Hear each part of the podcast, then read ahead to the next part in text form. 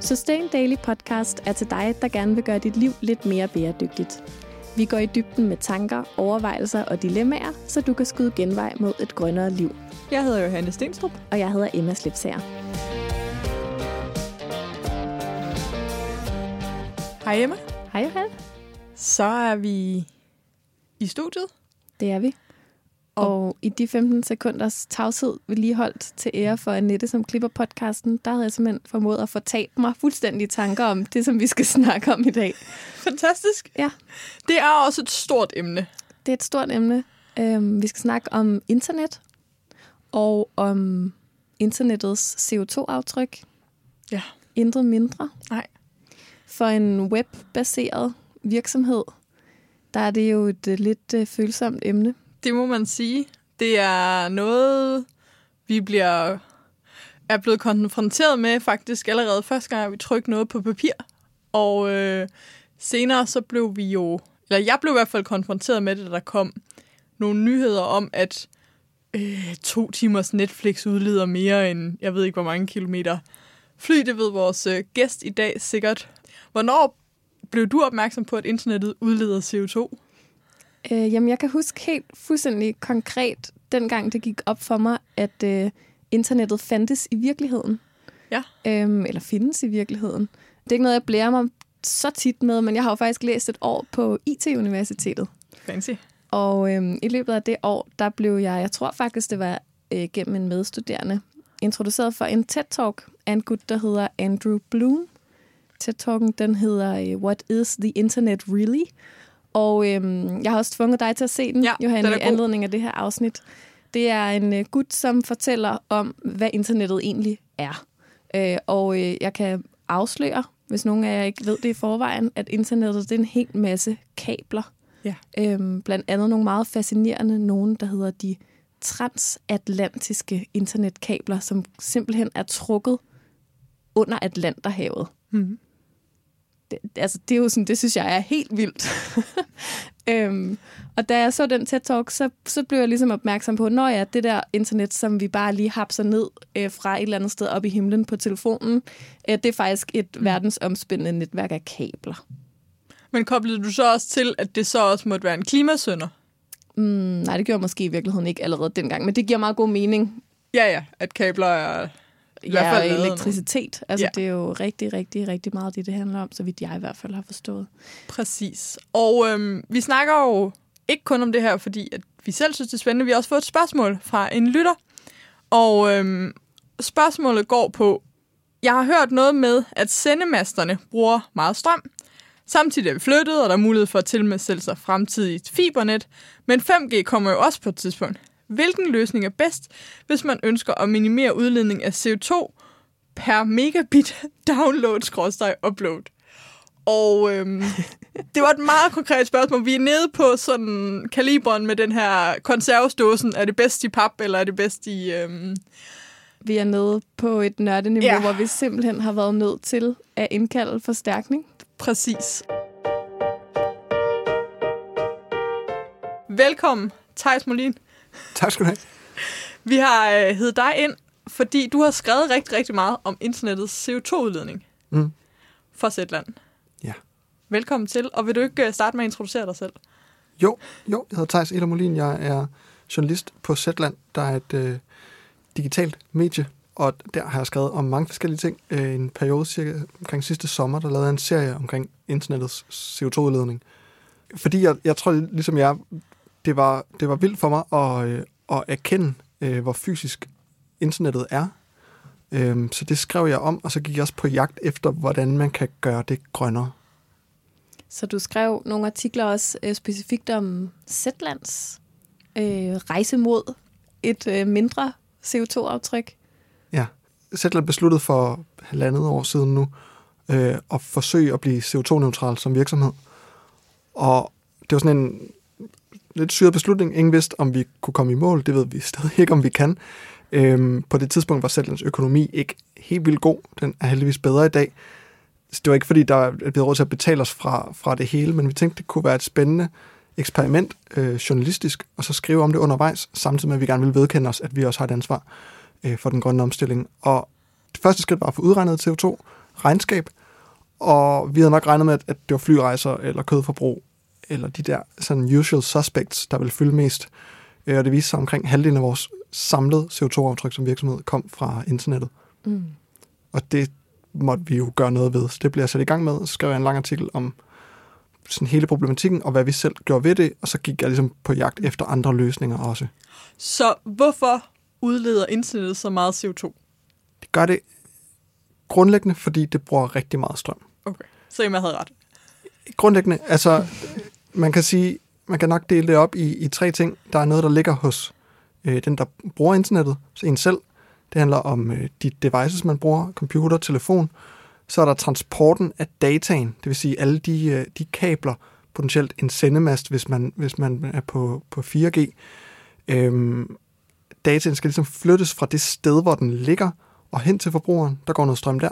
Og så er der datacenteret, som er ligesom øh, hele bagkataloget for hele internettet. Det der, hvor, hvor altså det er langtidshukommelsen på en eller anden måde, ikke? hvor det hele bliver opmagasineret, og når man så vælger, jeg vil gerne se den her film, jeg vil gerne streame den her podcast, så bliver der ligesom tændt en computer i datacenteret, filen bliver sendt afsted og fyrer gennem de her kabler, nogle gange hele vejen under verdenshavene, ud til en på et splitsekund, og der bliver brugt strøm hele vejen i processen.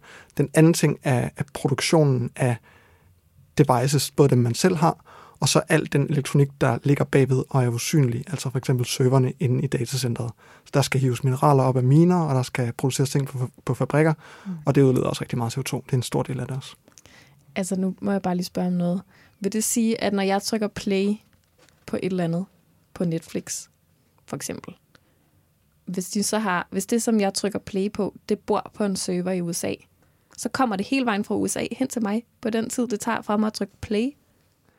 Potentielt, i pra- nu rører vi altså fra, altså fra nørdet niveau 0 til, til 100 meget hurtigt, Okay, ikke? det må du undskylde. Øhm. Jeg blev bare lige fuldstændig øh, Jamen, det kan jeg godt forstå. af tanken. Lad os sige, hvis, hvis du valgte noget, som meget sjældent bliver set, så vil det ske. Du valgte den der øh, koreanske kunstfilm, som ingen i Danmark nogensinde før har haft lyst til at se. Hvis du vælger øh, den seneste nye afsnit af en eller anden populær serie, så har Netflix lagt det meget tæt på dig. Øh, ikke engang i et datacenter, men på nogle små server ude hos din internetudbyder, for at gøre afstanden så lille som overhovedet muligt, for at gøre øh, forsinkelsen så lille som overhovedet muligt. Men nogle gange, hvis du tager noget mere usædvanligt, så kan det ligge ret langt væk. Sjældent i USA, men det kan være tilfældet.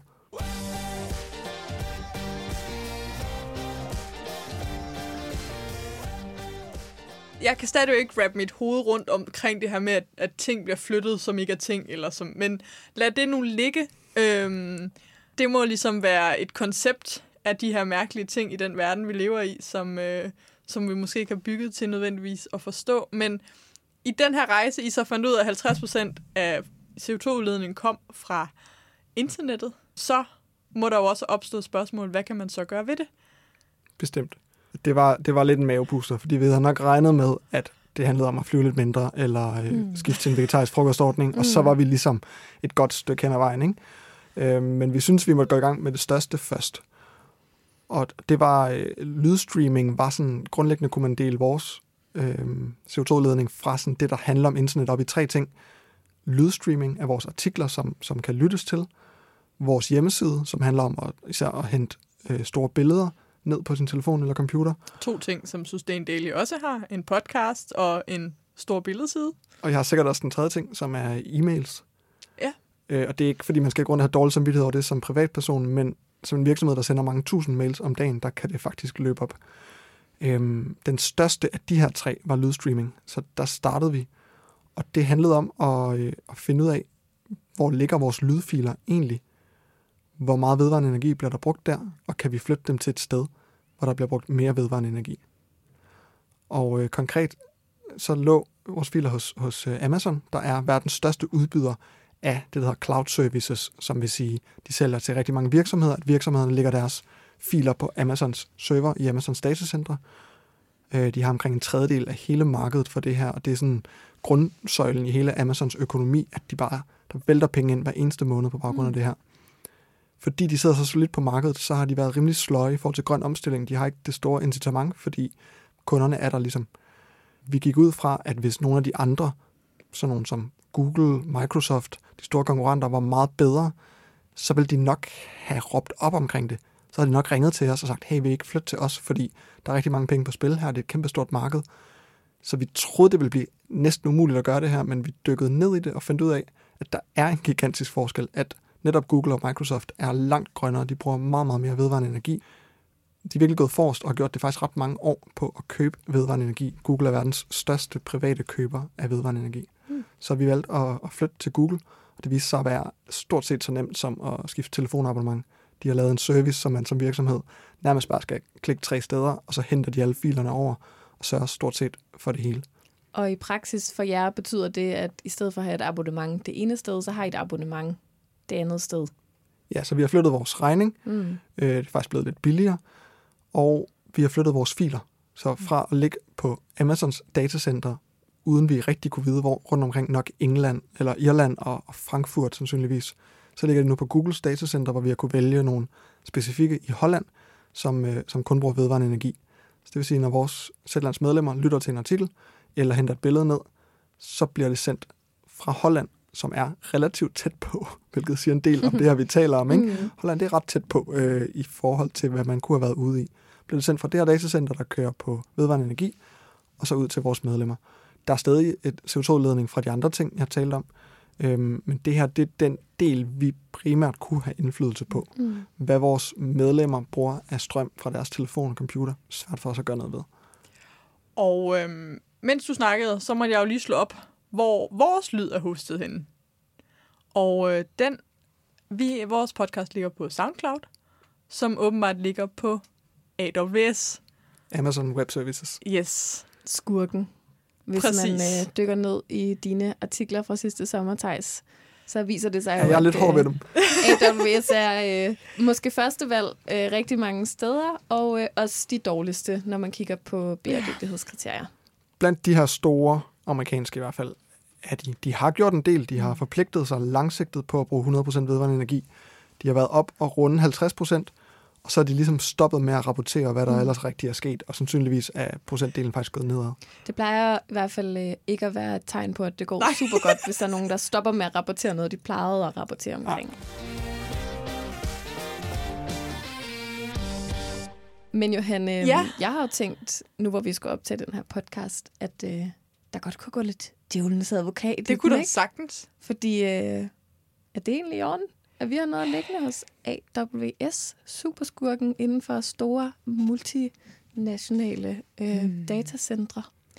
Altså, øh, på den ene side, nej, fordi det kan jo øh, gøres bedre. Vi kunne jo vælge at self-hoste vores podcast i et system, hvor vi så fik sat en masse RSS-feeds op, og den alligevel træk ud. På den anden side, så ligger den i et system, der gør det utrolig nemt for os at udgive den her podcast, så den automatisk kommer ud. Den har et feed. Øh, vores øh, flere tusind lyttere vil skulle, skulle flytte over i et, i et nyt feed og så videre. Så når, hvis du spørger om, om jeg synes, det er realistisk at ændre det sådan fra den ene dag til den anden, det ved jeg ikke. Men noget, vi kunne gøre, det var jo, at vi kunne skrive til SoundCloud. Det kunne vi nemlig. Og spørge, hvad der egentlig sker for. Fordi at... det er også et af dine tips, Thijs, når man er en virksomhed. Det er at bruge sin kundepower og måske gå sammen med nogle folk. Ja. Øhm, og det kunne man jo godt gøre, fordi SoundCloud køber er jo så en firma, der køber plads på øh, Amazon, og de kunne jo lige så godt, ligesom jeg, købe plads på Google. Og så vil vi ikke skulle ændre vores feed og flytte alle vores filer og øh, sørge for at, at dirigere lytterne et helt sted. Fordi vi har jo ikke Zetlands muskler, som kan bygge sin egen app og sende lyden selv ud.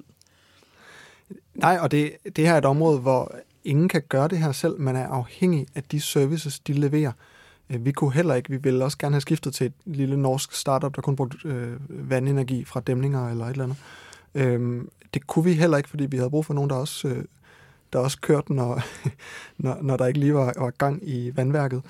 øhm, ja. Og som kunne levere alt muligt andet, vi har brug for, som også, hvis vi lige pludselig en dag har 100 gange så mange lyttere, som vi plejer at have, fordi vi har et kæmpe hit, som sker en gang hvert andet år, eller et eller andet, så springer det fuldstændig i luft med et eller andet, så må det ikke gå ned. Mm. Det er vi jo afhængige af. For alt i verden skal det virke, og det gør, at vi er bundet til et ret lille udvalg, og det samme jeg tro gælder jer.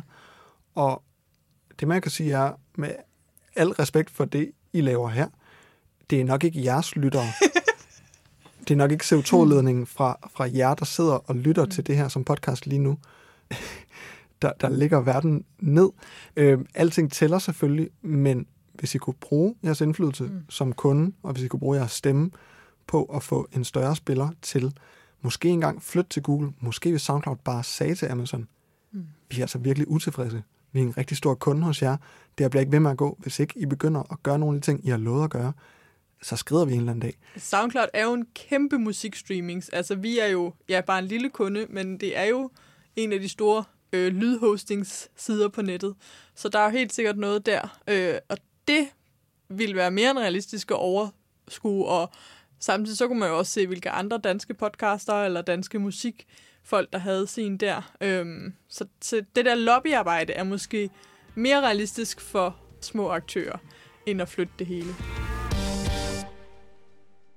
Hvis vi øhm, skal vende en lille smule tilbage til spørgsmålet, fordi ja. Thijs, nu kommer du lidt ind på det her med, er det egentlig som privatpersoner, at vi rykker noget, når vi snakker internettets CO2-udledning, eller er det måske et andet sted, vi sådan skal ret blikket hen? Ved du noget om det, der bliver spurgt om?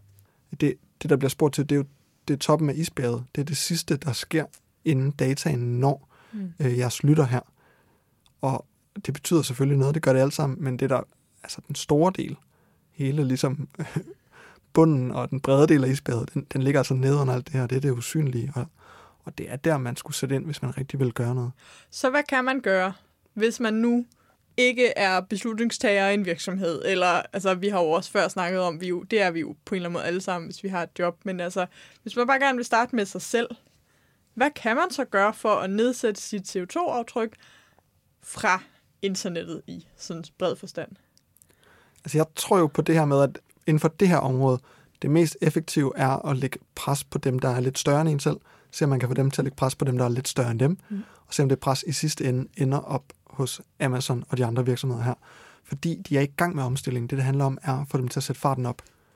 Deres vækst er fuldstændig gigantisk, fordi vores dataforbrug stiger så voldsomt, som det gør, mm. i kraft med, at hele vores hjem snart er på internettet. Ikke? Så hvis de skal faktisk blive ved med at øge andelen af vedvarende energi, så skal de ikke bare købe mere vedvarende energi, de skal købe nok til at dække hele den vækst, de har, plus nok til at dække det, de allerede bruger. Altså det vil sige, det er rigtig, rigtig meget, der skal ske, og hvis de sådan ah, bare går lidt i stå nogle år, så betyder det meget.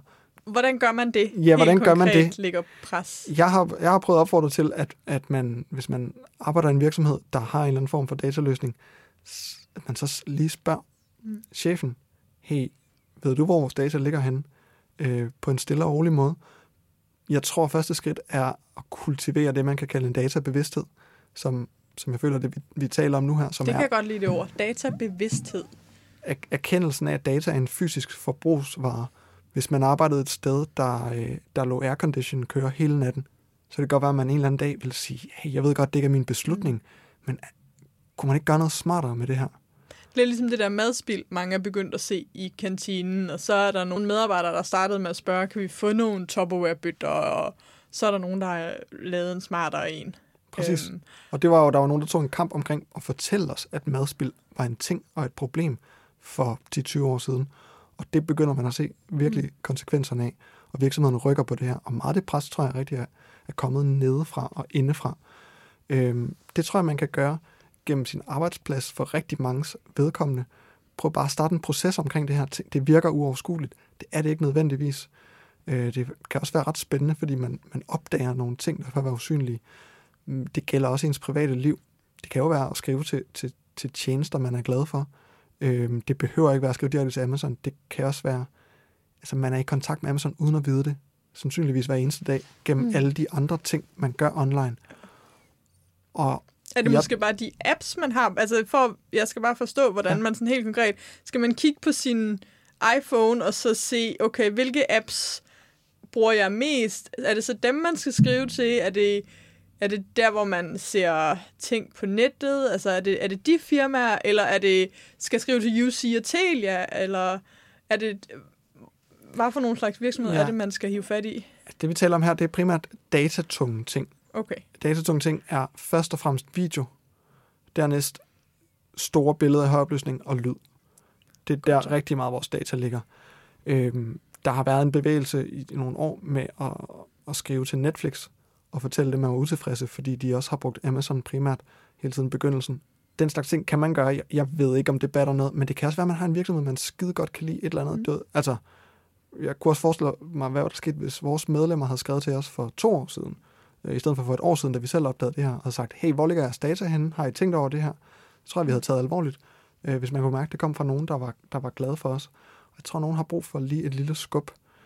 Hvad, Jeg, har, jeg laver en øh, udkommer med en podcast i morgen, øh, hvor jeg øh, anbefaler folk at se videoer fra museerne. Altså fordi der for eksempel er et museum i London, der laver sindssygt fede videoer. Så kan man spørge dem. De ligger alle sammen embedded på deres hjemmeside, hvor, hvor får I jeres data lagt måske? Ja. Altså det er jo ikke en kæmpe multinational, det er et stadigvæk stort, men alligevel et enkelt museum i et enkelt land, eller sådan. Så en rigtig god idé, og, og chancen er jo, at, at de så siger, øh, det, det ved vi ikke, det har vi aldrig tænkt over. Og hvem ved, måske sætter man gang i en proces derinde, øh, som sætter gang i et eller andet. Mm. Men man kunne da også bare sige, fuck det, og så skrive direkte til Amazon, eller til hvem man nu ellers bruger, og sige, hey, jeg tror, det handler om simpelthen at få vist, det betyder noget for os, det her. Jeg tror, der har været en interesse i at holde det her lidt hemmeligt. Fordi så længe det var hemmeligt, så længe vi alle sammen tænkte på, på skyen som sådan et lidt magisk sted, der ikke, ikke fandtes i virkeligheden, så er der ikke nogen, der behøver at gøre noget ved det. Men når vi begynder at tænke på det som, som sådan den moderne, vores tids fabrikker, der står og, og smadrer CO2 ud af atmosfæren, så sker der noget, ikke? Så Mm. derfor tror jeg meget på, at første skridt er at, at i virkeligheden begynde at tale om det her. Mm. Det tror jeg, du har fuldstændig ret i. Og der er jo ingen tvivl om, at der er et kæmpe spin eller en kæmpe fortælling rundt om alt det her med skyer. Det jo også, det hedder jo et datacenter. Altså det kunne også hedde en datafabrik. Sagtens. Øhm, der, der er sådan masser af ord omkring internettet, som ligesom antyder, at det er det her magiske, gennemsigtige, øhm, uhåndgribelige noget, mm. som det bare overhovedet ikke er. Det er bare kabler gravet ned under havet. altså, Og nogle serverfarmer. og nogle server, som står og bipper og øh, bruger strøm mm. i nogle kæmpe store lokaler. Jeg har sådan øh, et billede af en, et datacenter, jeg tror, det er fra spionfilm Ja. eller sådan noget. Det har jeg også At så de Det, ser sådan ind. der ud. Jeg har set det. Jeg har set Facebooks øh, nede, ved, nede ved omkring Odense, som åbnede sidste år, og er ekstremt klimavenligt. Og det skal de virkelig have ros for. Det, det er ret ekstremt, hvor langt de er gået dernede, forbundet til fjernvarmenettet og, og alt muligt. Men det ligner fuldstændig det der, du forestiller dig. Mm. Det er, sådan, det er sort indvendigt og mørkt. Og så er der sådan nogle helt lange lige rækker. Når man så går ned ad dem, så er der andre rækker ned til venstre og højre, hvor der så er sådan nogle høje skabe med sådan lidt hvidt lys, der kommer ind inde bagfra. Og så kan man trække skuffer ud, og så nede i dem, så sidder der bare den ene server efter den anden. Og sådan en server, det er jo egentlig bare en lille computer, der sidder nede i hver af dem. Mm. Og det er der, alle vores data ligger. Og når nogen så skal bruge noget, der ligger på en af dem, så begynder den ligesom at spænde hurtigere og sende Mm. dataen ud gennem kabler, der hænger flere hundrede kabler i sådan nogle meget sirlige pakker ligesom rundt langs vægge og lofter og sådan noget. Ikke? Og så kører det derfra ud til os, når vi skal se et billede på Instagram eller en, en Facebook-video. Det er så fascinerende. Men jeg er også vild med, at du øh, hiver et godt gammeldags redskab op af skuffen. Stil spørgsmål. Altså, vi skal have fat i en her af kritiske forbrugere. Og det er jo noget, vi har snakket om rigtig, rigtig mange gange. Det her med, jamen, hvis der er nok, der stiller de her fucking spørgsmål, så bliver det hørt. Fordi man gider ikke svare på det samme spørgsmål igen og igen, men det er jo også noget, der bliver monitoreret. Altså, de her virksomheder lever jo virkelig af data, og vi skal bare være nok, der ligesom vi var nok, der efterspurgte den økologiske mælk over i Tisted, og nu står den på hver eneste hylde i hver eneste butik i Danmark. Det er vel sådan, vi skal tænke og mobilisere. Altså, Det tror jeg, og vi havde en, en sjov oplevelse på Zetland, da vi var i gang med det her, hvor vi øh, startede med at spørge Amazon, hvor er vores data henne? Og så vores salgsrepræsentant, som vi kontaktede, sådan, øh, det ved jeg ikke lige. Og så sagde vi, vi vil gerne vide, hvor den er henne. Vi vil gerne vide, hvad for noget strøm, der bliver brugt på det konkrete datacenter. Og så svarede han et eller andet, der ikke rigtig svarede på spørgsmålet. Så spurgte vi igen. Og efter to eller tre mails, så blev vi sendt direkte videre. Ikke bare lige til en chef, men til Amazons globale bæredygtighedschef, som altså sidder i topledelsen i Amazon. Der var ikke nogen lag imellem, der kunne svare på det her. Vi ved det selvfølgelig ikke, men vores hypotese, så den eneste måde, vi kunne læse det på, var, der kan ikke være nogen, der svarer på det her, eller spørger om det her særlig ofte. Mm. Fordi hvis man får et spørgsmål ofte i sin virksomhed, så laver man et system for, hvem der kan svare på det. Og det er ikke en af topcheferne i, i en af verdens største virksomheder. Der ramte de ned i noget, som faktisk ikke ret mange af deres kunder interesserer sig for. Sådan, sådan læste vi det jo. Ja. Øhm, og, og det bekræftede os i, du ved, gud, nu har vi sgu da fortalt øh, hende her, som faktisk sidder til møder med Jeff Bezos, øh, verdens rigeste mand, øh, jævnligt, at vi bekymrer os om det, og det kan godt være, at hun ikke aner, hvem vi er, men vi har da fået lov at skrive en mail til hende, som hun faktisk har svaret på. Så jeg tror altså, der er noget der at komme efter, fordi jeg tror, at de bliver overrasket. Gud, går folk op i det her nu? Det vil være et godt sted at starte. Findes der egentlig en slags svanemærket for internettet? Ja, der er øh, Greenpeace har vildt nok dækket det her område, jeg tror siden 2012 eller sådan noget meget intenst. De laver et virkelig vildt researcharbejde, som er en gave til os journalister, fordi vi kan ikke få ret meget information ud af virksomhederne selv. Så de sidder og graver i og prøver at lave estimater på, hvad øh, de forskellige datacenter, hvor meget strøm de egentlig bruger, og hvor meget der kommer fra vedvarende energi. Og så kortlægger de ligesom, hvilke, hvilke datacenter de forskellige store tech-virksomheder, vi alle sammen bruger, er kunder hos, og laver en mærkningsordning, der kører efter det amerikanske karaktersystem. A til hvad? E, eller sådan noget, ikke? Hvor A er det bedste for, for alle de store øh, tech- og software-virksomheder faktisk. Det eneste dårlige, der er at sige om den, at den ikke er blevet opdateret siden 2017. Hvad hedder den? Det hedder, det er i noget, der hedder Click Clean-rapporten, Ja. øh, mm-hmm. som er blevet opdateret løbende. Hvis- man søger på det, så finder man den fra 2017. Det er den nyeste. Okay. Og det er direkte på forsiden. Jeg har det her. Så ser man, at Facebook har fået et A, og det har øh, iTunes og Google Play og YouTube også. Så man se, Netflix fik et øh, D. Amazon Prime fik C. Øhm, HBO har også fået et D. Det er altså tre år gamle tal. Der mm. Kan være sket ting siden. Man kan også se det inden for besked-apps, inden for musik-apps. Øh, enormt brugbart. Ja, det lyder som et virkelig godt redskab. Det linker vi til Det gør vi i hvert fald. i show notes. Og så må man bare, altså, ro. Hvis ikke man vidste, at Greenpeace var mere end de der fucking sale-kampagner, eller hvad det er, så research på mange områder er de jo faktisk banebrydende. Det har jeg bare lige brug for at sige, for jeg nogle gange godt kan være, synes, at de er lidt irriterende. Men så husker jeg på, hvor mange ressourcer de bruger på research. Og, og det er også, at der er noget lidt befriende over at, at læse Greenpeace giver Facebook et A. Ja, det overraskede også øh, Ja. mig, da du lige Øhm, læste op. Det var også en af grundene til, at vi valgte at skifte til Google, var, at, at Greenpeace skriver i en rapport, anbefaler kunder fra Amazon at skifte til Google eller Microsoft. Mm. Så tænker vi, når Greenpeace siger det, Ja. så er det altså værd at tage alvorligt og, og, og dykke ned i. Mm. Så er Instagram jo heldigvis Facebook. Så føler jeg mig lidt mere øh, glad igen. Din nummer et app Det må man har i sige. hvert fald i 2017 fået det af. Yes.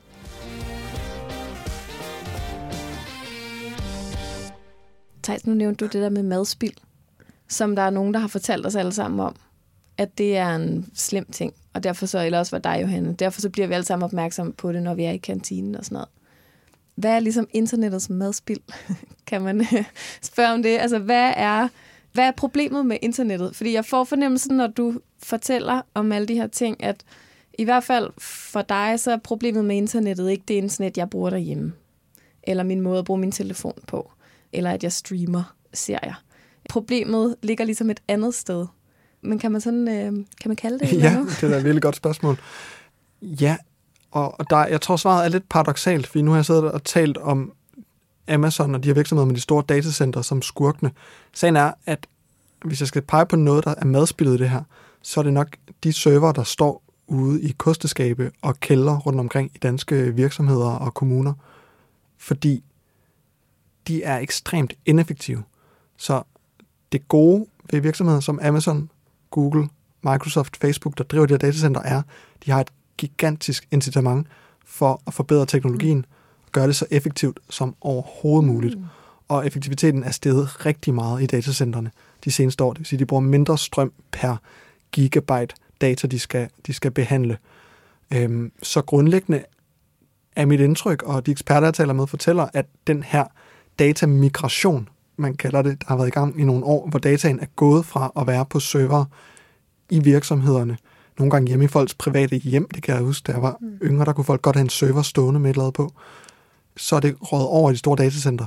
Det er grundlæggende godt for klimaet. Det gør bare, at nu er det nogle meget få hænder, der bestemmer, hvad for noget strøm, der bliver brugt til at drive serverne. Så der er noget, der er noget madspild stadig der ude i kosteskabene rundt omkring. Og så er der vel også kulkraft. Altså, det skal vi jo også bare af med, som, som så power mange af de her. Men Klar. øh, Thijs, er du så klar til at være internettets Selina Jul? Hvis vi bliver i madspildsanalogien, eller hvem skal det være, der virkelig slår ja. på tromme, for at øh, hele samfundet og de kongelige tager fat i det her? Altså, jeg, er jo, jeg er jo journalist grundlæggende. Øh, Jeg har haft en lidt aktivistisk tilgang til det her, hvor jeg også har været lidt opsøgende i forhold til at, at prøve at gøre andre opmærksom på det. Fordi vi har sådan en tro på, at, at når ting er så alvorlige, og forskning er så entydig som omkring klimaforandringer, så må man som journalist øh, gerne prøve at påvirke tingene, så længe man gør det ordentligt, og ikke går på kompromis med sine, sine grundlæggende sandhedsværdier. Øhm, men der er mange andre ting, jeg også synes er spændende. Jeg kommer ikke til at dedikere mig til det her øh, år efter år. En spændende ting, synes jeg er, jeg skulle ikke skrive særlig mange artikler omkring det her, før jeg begyndte at blive inviteret ud og tale om det til, øh, også til internetbranchen selv. Har været ude ikke, til, Mm. til store messer i Tivoli Hotel og sådan noget, og fortælle om det her for folk, der arbejder med det hver eneste dag. Og det kan jeg jo kun læse på den måde, at der er ikke nogen, der er ikke ret mange i hvert fald. Mm. Øh, jeg, jeg kan se og høre, at forskningen er begynder at interessere sig for det her, men der har været et problem omkring, at branchen også bare har, har hyret de dygtigste forskere og, og, og sat dem til at lave spændende forskningsprojekter internt. Men så er der ikke så meget uvildig forskning og så videre. Så der er et eller andet, der er et eller andet vidensvakuum, der, Mm. der mangler at blive udfyldt. Jeg gør min del, men jeg kan helt klart ikke gøre det hele. Så vi mangler øh, internettets Selina Jul, øh, som kan virkelig slå på tromme, og som jo, vi har også brug for en, der kan forske. Øhm, Og så giver det måske meget god mening, at vi fik det spørgsmål. Ja. Hvis der faktisk ikke bliver forsket så meget i internettets CO2-aftryk, øhm, så er det jo nok svært, hmm. ligesom med konserves Ja. ja. eller øh, tetrapak-dåse øh, tomatspørgsmålet. Ja. Også var et spørgsmål, som jeg tænker, at den, der sender til os, helt sikkert har forsøgt at finde et svar på, inden at vedkommende har spurgt. Vores lyttere er gode til at google, før de øh, spørger os. Altså, det er, det er komplekst, ikke? Det var komplekst med tomaterne. Det er også komplekst med internettet. Nu har vi i hvert fald lært, at øh, det, der sender internettet hjem til os, Hmm. det er bare toppen af et meget stort isbjerg. Og øhm, man skal gøre noget, man skal stille nogle spørgsmål. Vi skal alle sammen hjem og sende en mail, selvom den bruger noget CO2, så øh, Meget lidt. meget, meget, meget lidt. Øh, lad os Det komme det hjem og sende nogle øh, mails. Det håber jeg virkelig kan være øh, outputtet for det her, så vi kan, altså sådan mange små nåle nok. Og så må jeg sige en anden ting Ja. kort. Skal man købe noget mindre ravelse? Okay, det Måske- kan du ikke sige kort. Det bliver du nødt til lige at sige lidt mere om. Jeg har fokuseret meget på det her med datacenterne, fordi det er det, vi kunne gøre noget ved som virksomhed. Men sagen er den, at, at en kæmpe stor del, når man taler om, at internettet udleder omkring lige så meget CO2 som, som verdens flytrafik, nogle opgørelser gør det op til næsten dobbelt så meget. Mm. Det svinger, det kommer an på, hvordan man gør det op. Men, men i de opgørelser, der fylder produktionen af øhm, vores devices også rigtig meget. Og det er der, man som forbruger kan skære mest ned på sit eget CO2-aftryk. Køb færre ting, køb mindre elektronik og, og behold det i lang tid. Køb det brugt. Få det sendt videre i cirkulation, hvis man skal skifte. Klart. Øhm, lad være med at finde jer, jeg bliver ved med at købe ting fra virksomheder, der, der, der laver det, så det går i stykker efter et par år med vilje, hvilket vi ved, at, at nogle af virksomhederne gør. Og så er det et kompliceret, så er det et kompliceret spørgsmål, for jeg tænkte over, hvad kan jeg selv gøre? Fordi jeg har ikke gjort så meget ved mit private forbrug. Og så jeg tænkte over det på cyklen på vej herind, og jeg har sådan et tv, jeg ser Netflix på derhjemme, ikke? Som, som jeg fandt på gaden for otte år siden. Og så har jeg gået og tænkt, det er da meget godt. Så er jeg ligesom, jeg har ikke købt noget nyt, jeg har bare brugt det her. Og så kan man så tænke over nu, jeg aner ikke, hvor meget strøm det bruger. Det kan godt være, at det stadig vil være bedre, at jeg har købt et nyt, som var mere energieffektivt. Så er der en CO2-ledning ved at producere det. Jeg ved det ikke rigtigt, så jeg tror, jeg skal hjem og ligesom lige, lige tjekke op på det. Der er den øh, almindelige tommelfingerregel, at det aldrig kan betale sig at købe nyproduceret. Øh, det er i hvert fald tommelfingerreglen på det gamle køleskab med en dårlig energimærkning. Øh, den gamle opvaskemaskine, alt det her. Ja, elektronik, så er det jo i virkeligheden Godt, også. Jamen, så behøver jeg ikke foretage mig noget. Øhm, du kan jo helt sikkert sagtens undersøge det, jeg ved ikke lige specifikt med et 8 år gammelt fjernsyn, men, men også bare lige for at sige til jer, der lytter med, den generelle tommelfingerregel er, at, øh, at produktion kræver så mange ressourcer, at der er rigtig, rigtig, rigtig, rigtig, rigtig, rigtig mange års brug, før man øh, har opvaret. Og i dag er der jo masser af små ting, dimser, som gør, at man kan opgradere noget tech med en mindre stykke tech, som, jo, som jeg synes er fantastisk smart. Øh, så vi behøver ikke nødvendigvis skifte ud. Men øh, det er rigtig, rigtig godt at få med, fordi Ja, helt klart. hold da op, hvor øh, kan der være mange devices derude, som du siger. Og der er jo ikke kun CO2, der er jo også hele det sociale, som vi slet ikke har snakket om den her gang. Men, men hvem er det, der producerer de her kabler? Hvem er det, der sidder og samler alle de her jeg har lyst til at sige motherboards, men jeg lød, føler også, at jeg lyder lidt dum. Alle de her ting inde i maskinerne. Det er et godt ord. Ja. Ja, det er det. Og så skal man jo også huske, at internettet er jo fantastisk på alle mulige måder, også bæredygtigt. Det er skide godt, at, at vi ikke behøver at købe DVD-film og alt muligt andet. Og det er skide smart, hvis ens hjem kan, kan blive, måske kan, kan varmesystemet blive mere effektivt, øh, begynder at blive udviklet ved at komme på nettet. Mm. Skide være med, at dataforbruget bliver lidt større, så hvis det har en funktion. Men hvis det er bare fordi, man keder sig lidt, så kan det være, at man skal finde en hobby, i stedet for at, at gå ind og købe en ny computer. Det er en virkelig, virkelig god, så øh, få sådan en hobby, også selvom den hobby er at se Netflix. Bare det ikke er at købe computere. Til alle jer lyttere, hvis hobby er at købe nye computer hele tiden. Nå, men de findes jo. Jeg tror ikke, de er vores lyttere dog, Emma. Det er, jeg har på fornemmelsen. Jeg har også på fornemmelsen, at jeg, der lytter med, er et lidt andet sted. øhm, men når det er sagt, så kan man faktisk, synes jeg, ikke blive mindet om nok gange, hvor vigtigt det er at prøve at overveje, hvad for nogle ting man køber, og hvor mange nye ting man har behov for. Og det gælder selvfølgelig devices til at øh, bruge internettet, men det gælder jo også alt muligt andet. Alle kan blive fristet. Præcis. Og nu er der lige kommet en sammenklaplig smartphone. Og skal vi tilbage til det nu igen? Jeg har set en reklamevideo for. Alt kører i ring. Og alting udvikler sig, og lige pludselig troede man, at man var med og havde fundet noget, man kunne beholde i lang tid, og så Men øhm, noget nyt op. vi skal ikke være bange for internettet. Vi skal stille nogle flere spørgsmål, og vi skal købe noget mindre ravelse. Tusind, tusind tak, Thijs, fordi du ville øh, være med til at gøre os klogere. Det var fornøjelse. Jeg har på fornemmelsen, at det her afsnit, det øhm, måske har været lidt en øjenåbner for nogle af jer, der lytter med. Har det Øhm, været det for dig? Altså, jeg synes, det der stadigvæk er en øjenåbner for mig, og som jeg stadigvæk på en eller anden måde ikke kan begribe, det er det der med, at tingene bliver sendt rundt i verden. Ja, men også at, øhm, at den fremtid, vi alle sammen gerne vil have, kræver, at der står flere af de der datacenter, som ligner noget fra en spionfilm, og det er åbenbart er, er noget, vi skal blive vant til, at de er der. Mm. Og så skal vi finde dem, som kører på vedvarende energi. Ja. Eller på den største andel vedvarende energi. Tak fordi I lyttede med. Vi lyttes ved i næste uge. Det gør vi nemlig. Hej hej. hej. hej. Tak fordi du lyttede til Sustain Daily Podcast. Det betyder vildt meget for podcasten, om vi får nogle anmeldelser. Så når vi nemlig længere ud og kan få spredt det grønne budskab endnu bedre.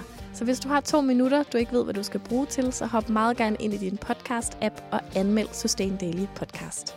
Og hvis du vil høre endnu mere fra Sustain Daily, så kan du følge os på f.eks. Instagram eller Facebook, eller skriv dig op til vores nyhedsmails, hvor du bliver den første til at høre, når vi laver seje ting.